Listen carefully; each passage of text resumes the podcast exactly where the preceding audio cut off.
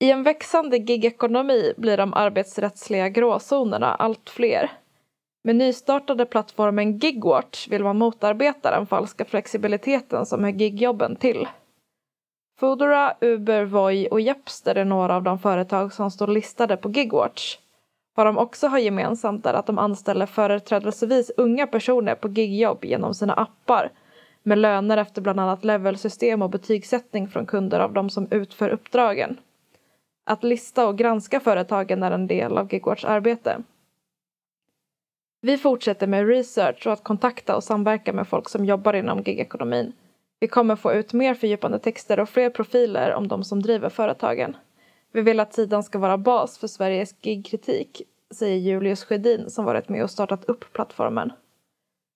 Bakgrunden till Gigwatch är en studiecirkel om gigekonomi som hölls av SUF Stockholm. Efter att ha byggt upp hemsidan håller de nu ytterligare en studiecirkel som hade sin uppstartsträff i veckan. De flesta är unga och flera har erfarenhet av gigjobben. Vi är unga som driver det här, för det är vi som berörs. Det är våra jobb som gigifieras, säger Julius Sjödin.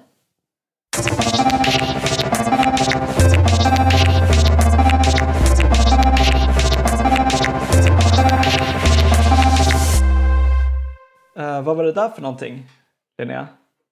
Eh, det var en av de allra första intervjuerna med Gigwatch som publicerades precis när vi startade för eh, ganska exakt två år sedan. Just det, i Flamman. Ja, vi är ju fortfarande här idag, två år senare. Och eh, vi tänkte väl prata lite om vad vi gjort de senaste två åren och eh, jag heter Jakob och med mig idag har jag Filippa och Linnea. Välkomna! Tack! Tack så mycket! Ja, men eh, den här eh, texten eh, tar ju upp lite olika grejer och det är ju sånt som vi har fortsatt hålla på med de senaste åren. Det stod att vi försökte få ut mer fördjupande texter och vi har ju nyligen släppt vår första rapport som heter mm. Apparna och arbetet och haft releasefest för den och sådär. Mm. Tycker ni att de här målen som sattes upp i intervjun här, är det det vi fortsätter göra? Mm, men jag tyckte att det var kul att, att gå tillbaka och läsa den faktiskt. Jag tänkte dels på de här studiecirklarna som, som nämndes i, mm. i den intervjun. För studiecirklar är ju verkligen någonting vi har hunnit ha eh, väldigt många av sen, eh, sen start. Eh, ja, och som har känts väldigt viktigt tycker jag för eh, vår utveckling som grupp och liksom vår, eh, vår analys. Mm, eh, verkligen. Och ja, men det, vi kommer ju ha en till studiecirkel snart. Eh, datumen för den här studiecirkeln eh, som vi kommer hålla eh, nästa gång är 26 oktober och 2 november i Stockholm. Och då kommer vi att läsa rapporten tillsammans och diskutera den och höra vad folk tänker om den, vilket kommer bli jättespännande att höra om alltså vilka tankar det väcker, om det är några som inte håller med den alls. När den här podden ligger uppe så kommer det troligen vara möjligt att anmäla sig till studiecirkeln eh, om man bor i Stockholm eller har möjlighet att ta sig till Stockholm via vår hemsida. Den är helt gratis. Har du någon eh, favorit av alla studiecirklar vi har haft hittills, Linnea? Oj, gud vad svårt. Också sån eh, nördfråga. vilken, vilken är din tjockaste favoritbok? eh, nej men alltså jag, eh, jag har nog tyckt att alla studiecirklar har varit roliga. Framförallt alltså så även, även liksom när det har varit så intro-studiecirklar kanske där vi har pratat om så vad är gigekonomin typ. Mm. Eh, så har det känts som att man har lärt sig saker varje gång för att alla kommer med så olika perspektiv och typ så har jobbat på massa olika jobb och kommer liksom mm. med erfarenheter från, från sina jobb eller så sina kompisars jobb. Eh, med så massa, massa knäppa grejer liksom, eh, som finns på arbetsmarknaden i Sverige. Man lär sig sjukt mycket av att snacka med folk som man inte liksom kan få riktigt av jag vet inte, att läsa en bok eller att läsa i media typ. Mm. Ja, och som kanske inte blir så, här så spontana samtal alltid heller. Att man bara börjar prata om så här, vad är gigekonomins rot, typ. Mm. uh, men Jakob, har du någon favoritstudiecirkel? Av de vi alltså jag gillade ju verkligen uh, sommarcirkeln som vi hade nu i somras. Mm. Uh, där vi satt utomhus och uh, hade en studiecirkel som var ganska inriktad på just att prata om folks egna erfarenheter typ. Så det var både liksom nice diskussioner och eh, trevlig miljö typ. Eh, kul att sitta ute i en park och snacka. Eh, utom när det körde förbi en typ kubansk bildemo. vi hade valt den minst harmoniska parken i hela Stockholm så det var liksom bilar som bara körde fram och tillbaka typ och tutade hela ja, men så tio meter från där vi satt typ hela studiecirkeln. Ja. Eh, Filippa, har du någon favoritstudiecirkel?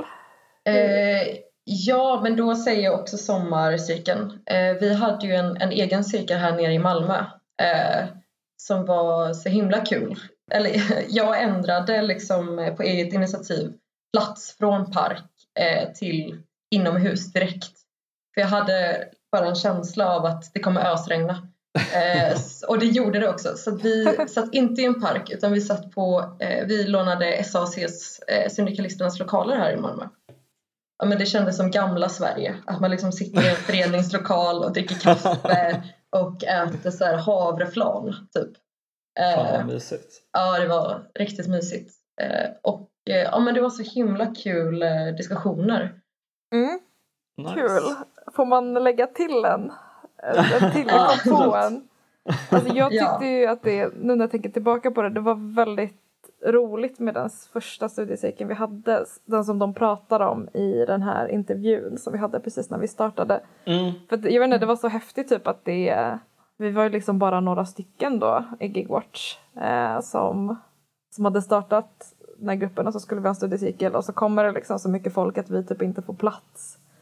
Vi, är, vi har fått låna lokaler men eh, vi får liksom inte plats i dem så vi så sätter oss typ i massa grupprum och så ute i trapphuset typ och så är det något städskåp typ eller något sånt bara för att kunna använda få plats med alla gruppdiskussioner. Jag vet inte, det kändes inte jobbigt, det var liksom bara kul, kul och häftigt att det var så många som bara dök upp och ville mm. prata mm. om, om gigekonomi. Ja, det var häftigt. Vi fick liksom tvinga våra kompisar att gå och tvinga dem att vara eh, diskussionsledare. De blev liksom tvångsrekryterade till det för vi var inte till, till medlemmar typ, för att kunna ja. göra det själva för att det var så mycket folk. Men eh, visst gör vi fler saker än eh, studiecirklar?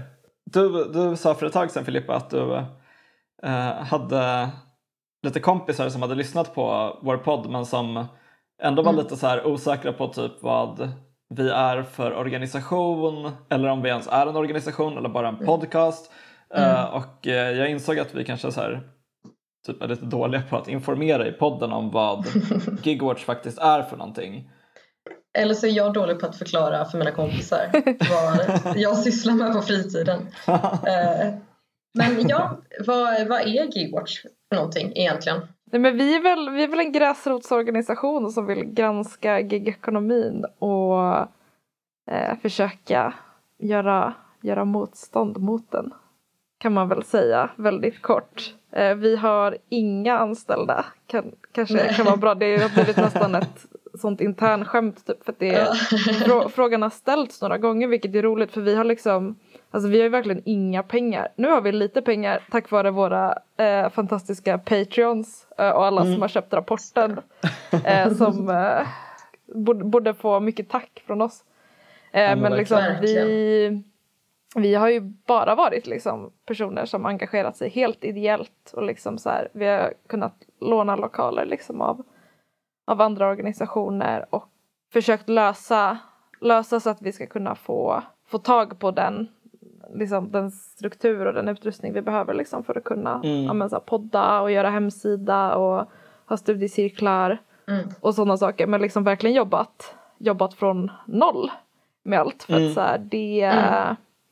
om man vill jobba för politisk förändring för någonting bra eh, där man inte är styrd mm. från något håll så får man inte så mycket pengar. Eh, Nej, bara, Nej. bara sådär liksom som bara hoppa, ho- hostas upp. Mm. just det. Det är Eh. väl eh, det här som typ folk eh, på högerkanten är helt oförmögna till att förstå. Ja, Eh, som typ eh, den här Rebecca Uvell som är just riksdagskandidat det. för Moderaterna och eh, någon slags opinionsbildare. Eh, Mm. Som typ är helt besatt av att eh, hitta så här, de som finansierar den här tankesmedjan Balans som eh, är emot friskolorna. Ja, Som typ skriver så här artikel efter artikel om bara jag måste ta reda på vilka som finansierar dem.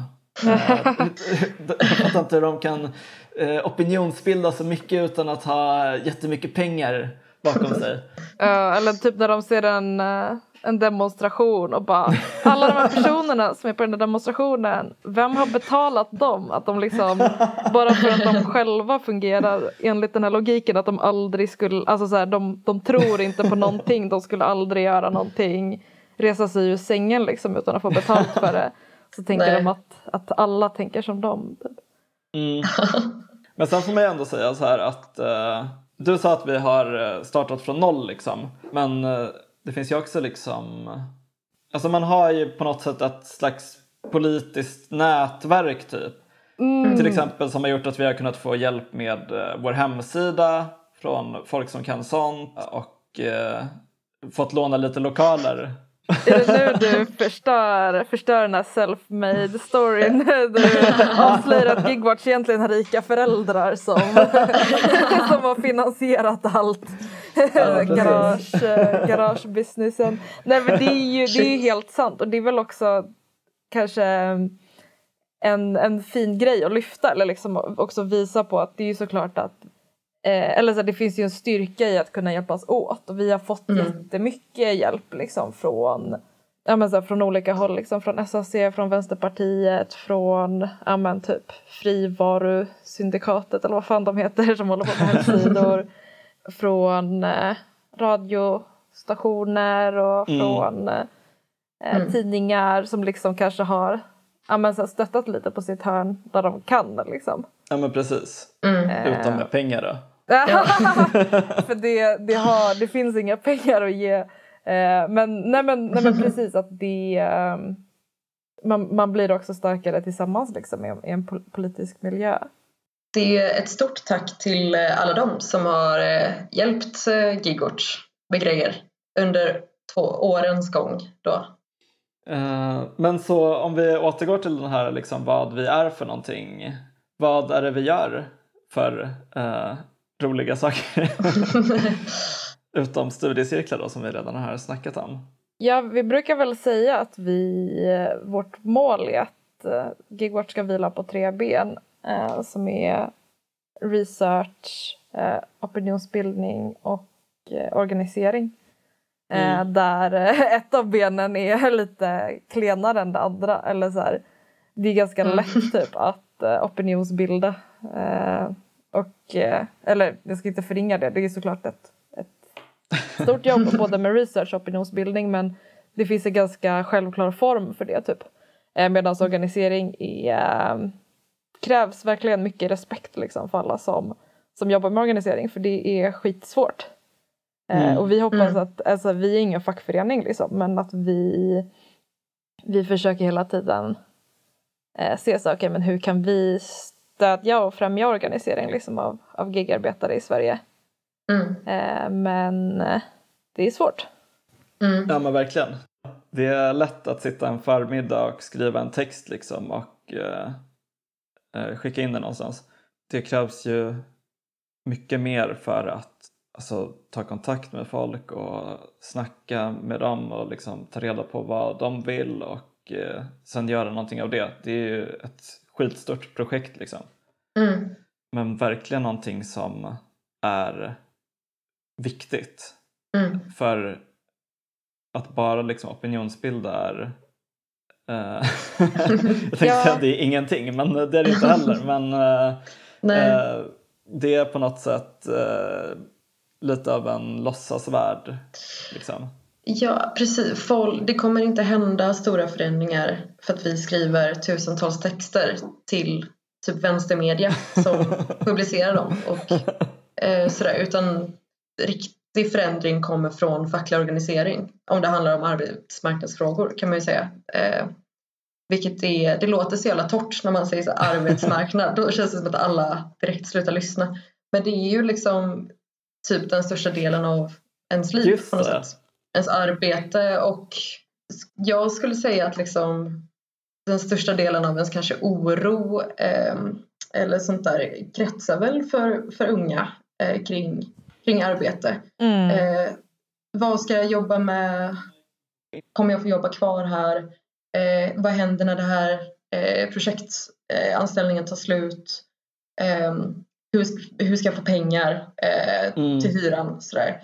Och allt det som liksom känns kanske helt känns som olika saker eller liksom man oroar sig på olika sätt för olika saker och sådär. Men allting kokar ju ner liksom till vilken makt och vilket skydd har du på arbetsmarknaden? Mm.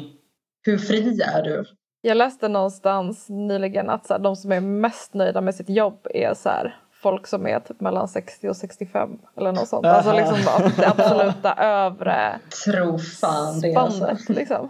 Ja. Det kanske bara på, på grund av att de är på väg att förlora det. de, är, de ser pensionen Ja, framför sig exakt. hägra. Ja. Ehm, nej men du, du, sa, du, sa, du sa nyss att eh, arbetsmarknaden liksom låter torrt när man snackar om det. Mm. Det är intressant också. Eh, och jag tänker att det, det kanske gör det först.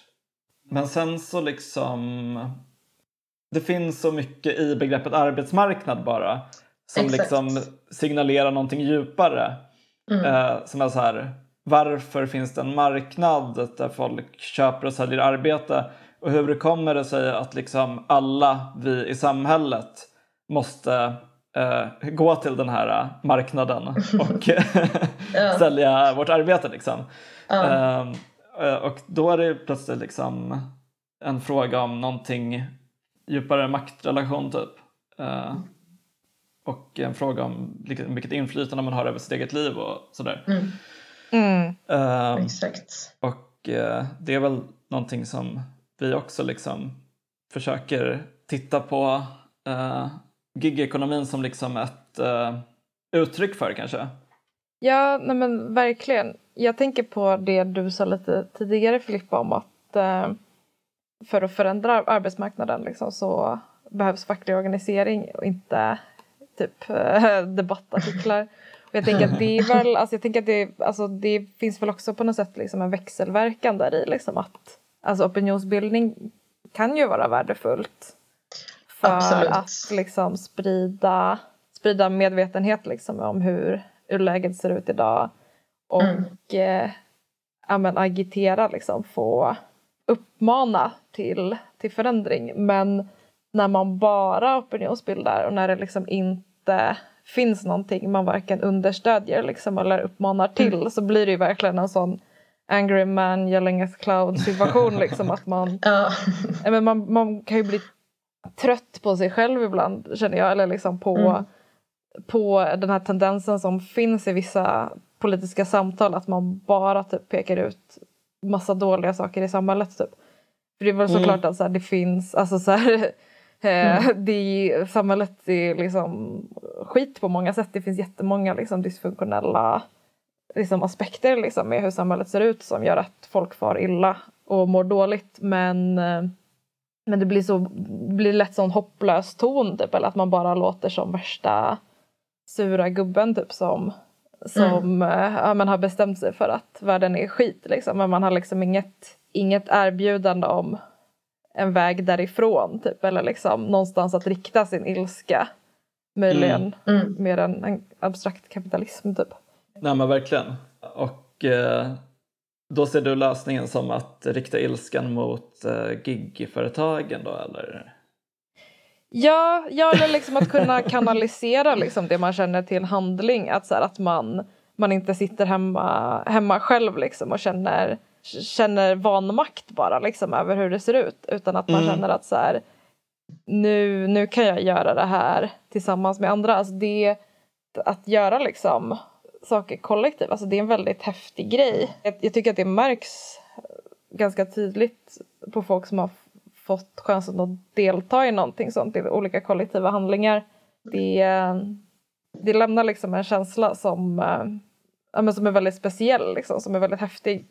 Mm. Oavsett om det är liksom att man har varit i en stor demonstration som har åstadkommit någonting eller liksom om man har varit med och samlat in massa pengar typ till hamnarbetarstrejken eller så här, mm. varit med och så här, massnedröstat en app eller så här, deltagit i en strejk liksom på sin arbetsplats.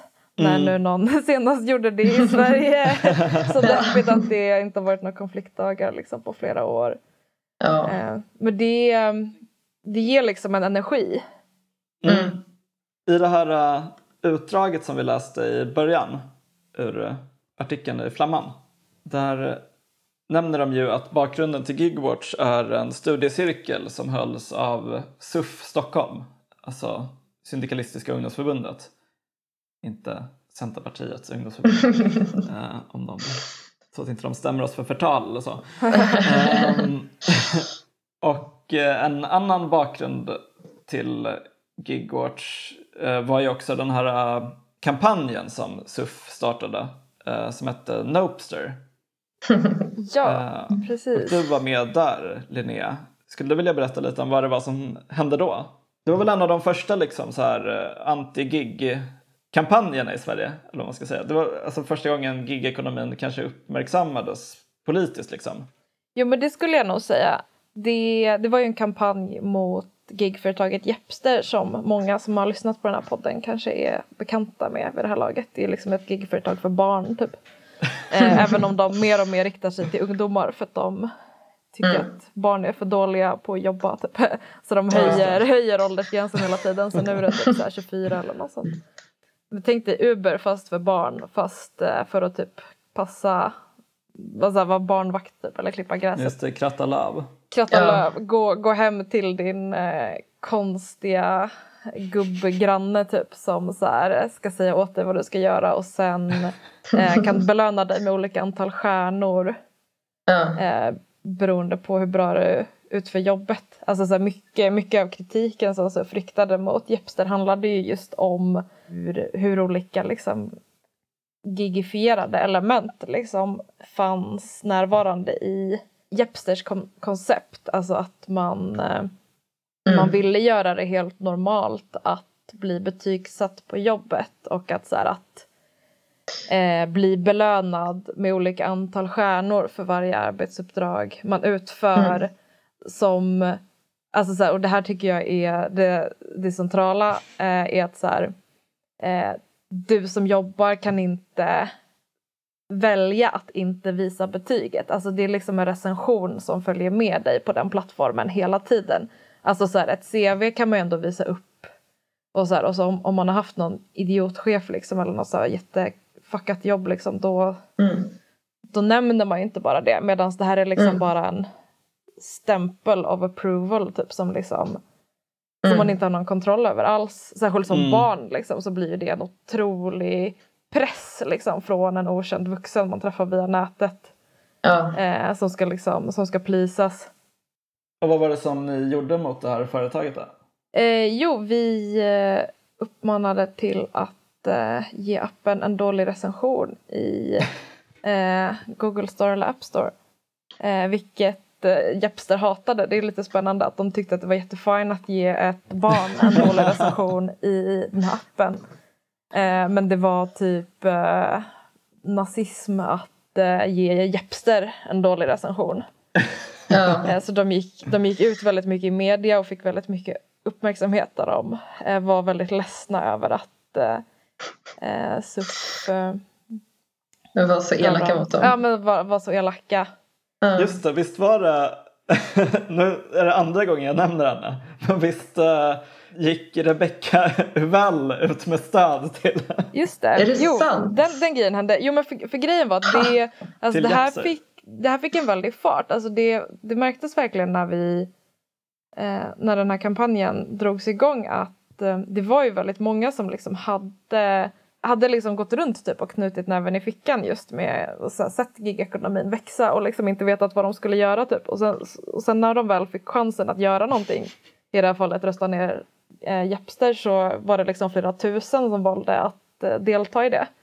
Det var väldigt häftigt liksom att se hur många det var som slöt upp och eh, eh Rebecca Uvell försökte då mobilis- motmobilisera liksom en, eh, en höger högertrollarmé som skulle liksom upp, upprösta Jepster-appen och gå in i appen och bara åh jag älskar att anställa barn typ. och se dem levla för att få högre lön. För det var också en sån grej som fanns i appen som vi kritiserade. Um, det, var, det var ju så uppenbart att det, det var inga höga personer som genuint älskade Jepster. Alltså så alla, alla som mm. var med och röstade ner Jepster ogillade ju liksom genuint det här appföretaget och liksom det det representerade på, mm. för, liksom för vår framtid och liksom på arbetsmarknaden och vilka arbetsvillkor det bidrog till. Men de som röstade upp appen brydde sig egentligen inte så mycket. Alltså de vill ju prata om typ så här lägre skatter och invandring mm. eller något så här. Mm. Deras hjärtefrågor liksom. De vill inte hålla på och prata om arbetsmarknadspolitik för där har de inget att säga till om. så det, de, de lyckades liksom inte alls motmobilisera någonting. Mm. Nej, jag kommer ihåg att jag satt på min praktik och typ uppdaterade i App Store och bara såg typ betyget sjunka uh, varje gång de gjorde en uppdatering typ var tredje timme. Ja. Uh, det var riktigt uh, kul liksom. Alltså, mm. Alltså, det var så himla, det kändes så mäktigt att det var så många som bara mobiliserades kring den här frågan och mm. gjorde typ skrev en massa så här, typ korkade och roliga recensioner. uh, typ uh, hittade på olika karaktärer som de recenserade appen som. mm, bara gick, liksom... gick hårt in och trollade. Ja, trollade men det var så mycket mer än bara typ att folk var sura utan det var liksom det fanns någon slags uh, glädje i det också liksom. Mm. Det var väldigt kul. Mm. Ja, men och, och det tänker jag var en av de viktigaste erfarenheterna från den kampanjen. Att, en, en sån fråga som, som dök upp ganska snabbt var ju så här, ja men vad, vad, vad tänker ni att ni kommer uppnå liksom, med att rösta ner en app? Alltså så här, vad ska det här åstadkomma mm. egentligen? Det kommer ju inte, alltså, så här, det kommer bara komma till gigföretag. Mm. Eh, om, om ni mm. lyckas typ eh, få bort Jepster. Eh, och så här, det är ju en bra fråga, alltså så här, vad, vad var egentligen syftet? Mm. Men jag tänker att syftet, alltså syftet var ju dels att liksom eh, försöka få bort Jepster eh, och visa liksom på att eh, företag kan inte sätta upp vilka sjuka arbetsvillkor som helst liksom, utan att folk reagerar. Mm. men det var ju också att skapa en känsla av att så här, om vi från typ ingenting kan, kan lyckas med det här, alltså tänk, tänk vad mycket mer vi kan lyckas med om vi organiserar oss. Mm. Och få folk att börja tänka på frågan om gigekonomi, sätta den på agendan på något sätt. Eh, mm. Eh, för det, var ju, det här var ju 2018, 2019, gud jag är så gammal jag kommer inte ihåg. 18 tror jag. 2018, alltså så här, gigekonomi var ju liksom inte en grej då, folk visste inte vad det var. Så Nej. det var ju också ett sätt att, att tvinga, tvinga eller i alla fall liksom pusha massa personer att ta ställning. Att plötsligt var det mm. så här, ska du, ska du rösta ner Jepster eller inte? Mm. Eh, det var liksom eh, ett val man mm. behövde göra och då var det så här, ah, men varför, varför är Jepster dåliga då? Ja, men de är, de är ett gigföretag. Mm. Men eh, visst var det så att ni också blev inbjudna till ett eh, möte med eh, Jepsters VD? Ja, precis. Eh, det är ju en sån grej som alla de här gigföretagen genomgående känns det som liksom använder som medveten strategi. Att man liksom eh, man vill liksom inte erkänna på något sätt att man är ett problem i samhället utan det är alltid så här, åh men vi kan ju ha en dialog om era upplevelser av problemen så kan vi mötas halvvägs typ. Vi kan ta en fika. Som att vi ska hålla någon så här terapisession typ. Men vad betydde eh, den här Noser-kampanjen för gigekonomi-frågan då? Ja, men, bra fråga, men jag tror att det um, det kanske liksom sådde det första fröet liksom, till, att, till att det här blev en intressant fråga. För det tänker jag också, alltså så här, dels så här, frågan om gigekonomi men också generellt, alltså så här, frågan om arbetsvillkor, alltså det är ju såklart en, en fråga som egentligen alltid är aktuell och liksom som, som facken med, med, liksom med olika resultat lyfter hela tiden. Men, men en ambition med Gigwatch har väl också varit att, eh, ja, men så här, att försöka på något sätt göra, göra det lite coolt typ att, eh, att prata om eh, arbetsmarknaden eller i alla fall lite få det att kännas relevant liksom. Inte bara om man råkar vara typ fackligt engagerad på exakt den arbetsplatsen det gäller utan så här, mm. hur kan man ha en diskussion om arbete som, som eh, liksom rör alla som inte är mm. typ VDR? Exakt. Och jag tycker att en av de eh, så här, viktigaste frågorna som eh, har kommit upp under min tid som liksom, hållit på med de här frågorna är eh, ja, men skiftningen i fokus i att så här, frågan man ska ställa sig är inte så här, är det okej okay att använda Foodora? Eh, mm. När jag är jättebakis kanske det är okej, okay, är typ svaret för folk.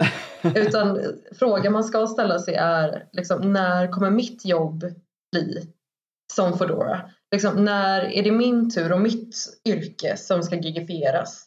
Eh, och att det är där någonstans man ska börja och typ, är det något jag vill? Vad hade det inneburit för mig eh, och mitt jobb? Liksom, istället för att se det som någonting som är eh, typ en detalj eller någonting eh, liksom konstigt avvikande i, på arbetsmarknaden. Som, mm. Utan att se det som en, detta är faktiskt en, eh, liksom en pågående utveckling som kommer att sprida sig mer och mer. Eh, mm.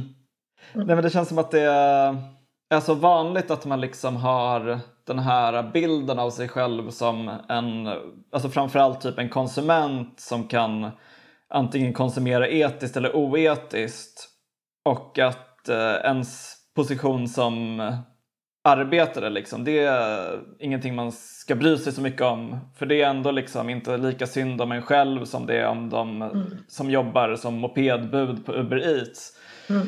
Men liksom det är väldigt många som har osäkra anställningar uh, och liksom även om man inte har det riktigt jävla dåligt så mm. Har man det liksom ofta ganska mycket sämre än tidigare generationer när man ser i alla fall till liksom anställningstrygghet och så. Eh, mm. Sen finns det såklart andra saker som är bättre också. Liksom. Men uh, det är på något sätt ett ganska allmänt tillstånd tror jag bland mm. folk i en viss ålderskategori att ha liksom mer eller mindre osäkra anställningar uh, och som mm. också liksom till exempel uh, styrs på ett väldigt stressigt sätt, till exempel mm. hemtjänsten. Um, och uh, många jobbar också via olika former av plattformar i likhet med de här gigföretagen och mm. Och det är någonting man märker också om man återigen går tillbaka till det vi snackade om tidigare med studiecirklar. Att eh, folk delar ju med sig av väldigt mycket historier från deras eh, jobb. Eh, som är så här, ja ah, men här kunde jag liksom känna igen det här från mitt jobb när jag läste den här texten om gigarbete. Och liksom när man bara lägger ihop det så får man till slut något slags liksom pussel som visar att gigekonomin är någonting som har ganska suddiga gränser Mm. Och som verkligen inte är begränsat till de här liksom, matleveransaapparna utan som det finns tendenser mot i väldigt många olika branscher. Liksom, mm. uh, där folk Exakt. arbetar. Även om de verkligen inte ser sig som en del av någon slags gigekonomi. Liksom. Mm. Utan snarare ser sig själva som primärt liksom, ja, jag interagerar med gigekonomin som konsument. Mm. Hur gör jag rätt val? Mm. Exakt. Men det är som någon sa på en av våra studiecirklar att liksom, eh, vi diskuterade den här frågan, liksom, om det är fel att använda Foodora. Och då var det en som sa liksom, ja, alltså det kan man ju diskutera men det som är mer fel kanske är om man liksom ser gigekonomin som ett problem men inte organiserar sig för att göra någonting för att stoppa det. Mm. Och det kan jag väl verkligen hålla med om själv också, även om jag inte använder några av de här gig-apparna. Liksom. Men, eh, mm. Förutom att vi har gjort en massa poddar och skrivit texter och arrangerat studiecirklar och så. Eller förutom, jag vet inte. Eh, men i samband med det och eh, under tiden så har vi haft väldigt mycket kul också. Liksom. Jag har sällan tråkigt när jag gör saker med Gigwatch. Liksom. Mm. För det händer alltid en massa kul saker typ. Så jag tänkte kolla vad, om ni har några roliga eller konstiga historier eller någonting om saker som ni har varit med om i samband med sånt som vi har gjort typ. Den mest ikoniska roliga grejen som har hänt är väl apropå gigföretagschefer som, som väldigt gärna vill prata med oss. Mm. Eh, så hade vi ju en före detta eh, Uber Sverige-chef eh, som var väldigt på oss ett tag. Eh, var han sur på oss eller? Nej, han ville komma på typ våra studiecirklar och eh, så här, att vi skulle föreläsa eh, och grejer. Jag nämnde inga namn, vem det var, men när vi såg liksom att han hade anmält sig eh, till en av våra studiecirklar och då ja, men så här, vi, vi, vi sa till honom att han inte fick vara med på vår studiecirkel. För vi, ja, men så här, vi har ju studiecirklar liksom där vi pratar om ja, men så här, folk får dela erfarenheter typ av så här, osäkra jobb de haft och så här, prata om gigekonomin och så här, sin roll i det. Och så här, det blir ju jättekonstigt om det ska komma någon så här, före detta gigchef typ och så här, så här, spela någon djävulens advokat typ. Eller så här, försöka, ja. försöka så här, nyansera det samtalet. Att bara, absolut men då, ja. den, den diskussionen kan man väl bara ha på van, valfritt liksom, så här, APT-möte med sin chef på jobbet. Alltså, så här, ja. är, det, är det ett till rum där vi behöver en representant för arbetsköparsidan liksom, som kan mm. eh, vara va med i samtalet. Liksom. Nej, just det. Vi är ja. inte samtalsextremister. Det är väl Nej. precis. Som... Vi, vi, vi tror inte att problemen i samhället beror på att eh, typ eh, Uber-chefer och så Uber-bud inte kan mötas och förstå varandra. Eh, utan att eh, det faktiskt finns en ganska utstuderad eh, så här, exploatering från, från ett mm. visst håll eh, som, inte, som inte löses genom så här, samtal, förståelse. Ja. Eh, så det, det var lite kul att eh, han, han hörde av sig. Men det var ju så grovt också för han hade ju varit vd i samband med att de introducerade den här Uber Pop tjänsten i Sverige. Mm, vad kan var du typ... pitcha, pitcha vad Uberpop-gate var? Alltså det var ju att det kanske är lite typ tekniska detaljer eh, men det var väl i grund och botten att det var liksom att Uber förmedlade rakt av svart taxi. Alltså folk mm. som körde utan taxilicens, vilket man behöver för att bedriva taxiverksamhet i Sverige. Mm. Och det är olagligt. Mm. Och så fick alla taxichaufförer böter för det. Precis. Taxichaufförerna åkte dit på det här äh, lagbrottet. Eh, mm. och det var ju de som fick ta all skit medan Uber inte fick liksom stå för någonting eller ta något ansvar.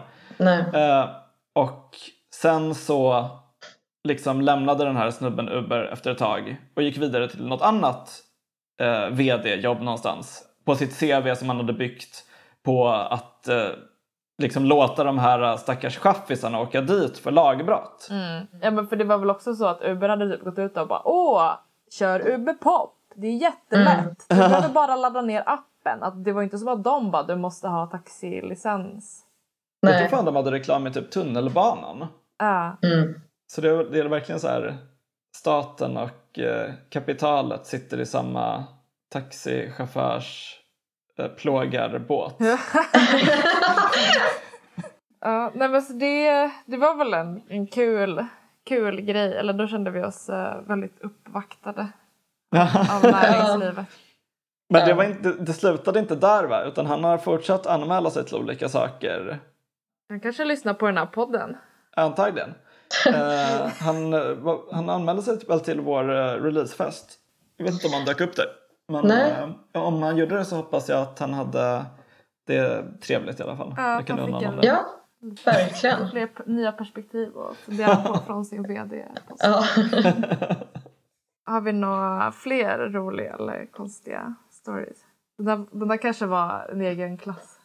En sak som jag tycker är typ eh, som jag ser som piken på min Gigwatch-aktivitet det är när det visar sig att ett, eh, ett bibliotek hade beställt vår rapport.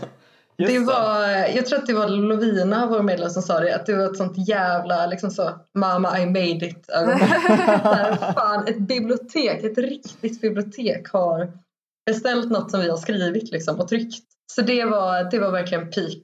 Ja. ja, det var eh, häftigt. Som, ja. Eh, som sen kom bort i posten så Postnord kan vi lägga till på gigföretag som motarbetar vår verksamhet. Ja. Sen så blev jag halvt utskälld när vi hade bokbord eh, för två veckor sedan på Vänsterpartiets fackliga rikskonferens Aha, av, en, eh, bibliotekarie. Oj! För han, han, han, hade köpt vår rapport uh. och sen så bläddrade han lite i den medan han gick iväg från bokbordet. Uh. Sen så vände han sig om och kom gåendes rakt mot mig och sa ni måste skaffa ISBN-nummer. Oh. Vilket är... alltså, jag vet inte ens vad det står för. Jag tror inte att man vet det om man inte är bibliotekarie. Det är, typ, det är typ heligt för bibliotekarie. Jag tror att det är någon kod som varje bok har. Eh, okay. Uh, och som såklart inte vi hade eftersom vi Ja, ja men det är inte typ det är så bokens personnummer typ. Ja, men exakt. ja precis. Uh. Det är bokens personnummer. Han uh, ville inte att vår bok skulle vara den är papperslös. Slös. Ja, men precis. Åh oh, nej, okej, okay. men vi måste för alla bibliotekarier där ute då skaffa ett personnummer till vår rapport. Ja. Eh, så att den kan få bo på biblioteket. jag är bara rädd för den här eh, dolda byråkratin som vi säkert kommer upptäcka ah. när vi ska ta reda på hur man skaffar ett ISBN-nummer. Absolut. Det kommer säkert vara helt omöjligt för liksom vanliga människor att skaffa ett ISBN eller sånt där. Men det blir ett senare problem för oss, tror jag. Ja, och på tal om senare problem så tänkte jag avsluta med att uh, höra efter lite vad vi har för uh, planer för framtiden i Gigawatch. Vad ska vi göra i höst? Eller nu är hösten snart slut, men vad ska vi göra de kommande månaderna? Och uh, vad, vad har vi för drömmar min, äh, min dröm är att vi ska få ett äh, ISBN-nummer utan att jag utvecklar några magsår äh, på vägen. Det, det står högst upp på min önskelista. men, men förutom det så kommer vi att ha den här studiecirkeln om rapporten som mm. vi nämnde lite tidigare på den igen men som jag gör lite reklam för nu också eh, som alltså kommer vara 26 oktober och 2 november i Stockholm. Mm. Och eh, om allt går som det ska så kommer vi säkert ha studiecirklar kring rapporten i fler sammanhang, kanske i andra städer eller online. Eh, vi får. Se lite. Och sen eh, så kommer vi också såklart eh, ha en bli Patreon till oss-dag som är eh, idag när ni som lyssnar på podden hör det här. och då får man jättegärna bli Patreon eh, och om man har ekonomiska eh, förutsättningar för det. Ja. ja. Bidra med en liten slant till vår verksamhet. Ja. Eh, vad, vad har vi mer för planer? Är det något spännande skrivprojekt på G? Ja, vi har lite olika saker på gång. Vi tänkte försöka titta lite på eh, lobbyism bland annat som mm. de här gigföretagen bedriver bland annat på typ europeisk nivå eh, för att liksom stärka sina rättigheter mot mm. länderna. Liksom. Och sen så har vi såklart en massa poddavsnitt inplanerade också med mm. eh, olika intervjuer och andra ämnen som vi är sugna på att snacka om. Ska vi säga tack för idag då. Tack för idag. Hej då. Hej då.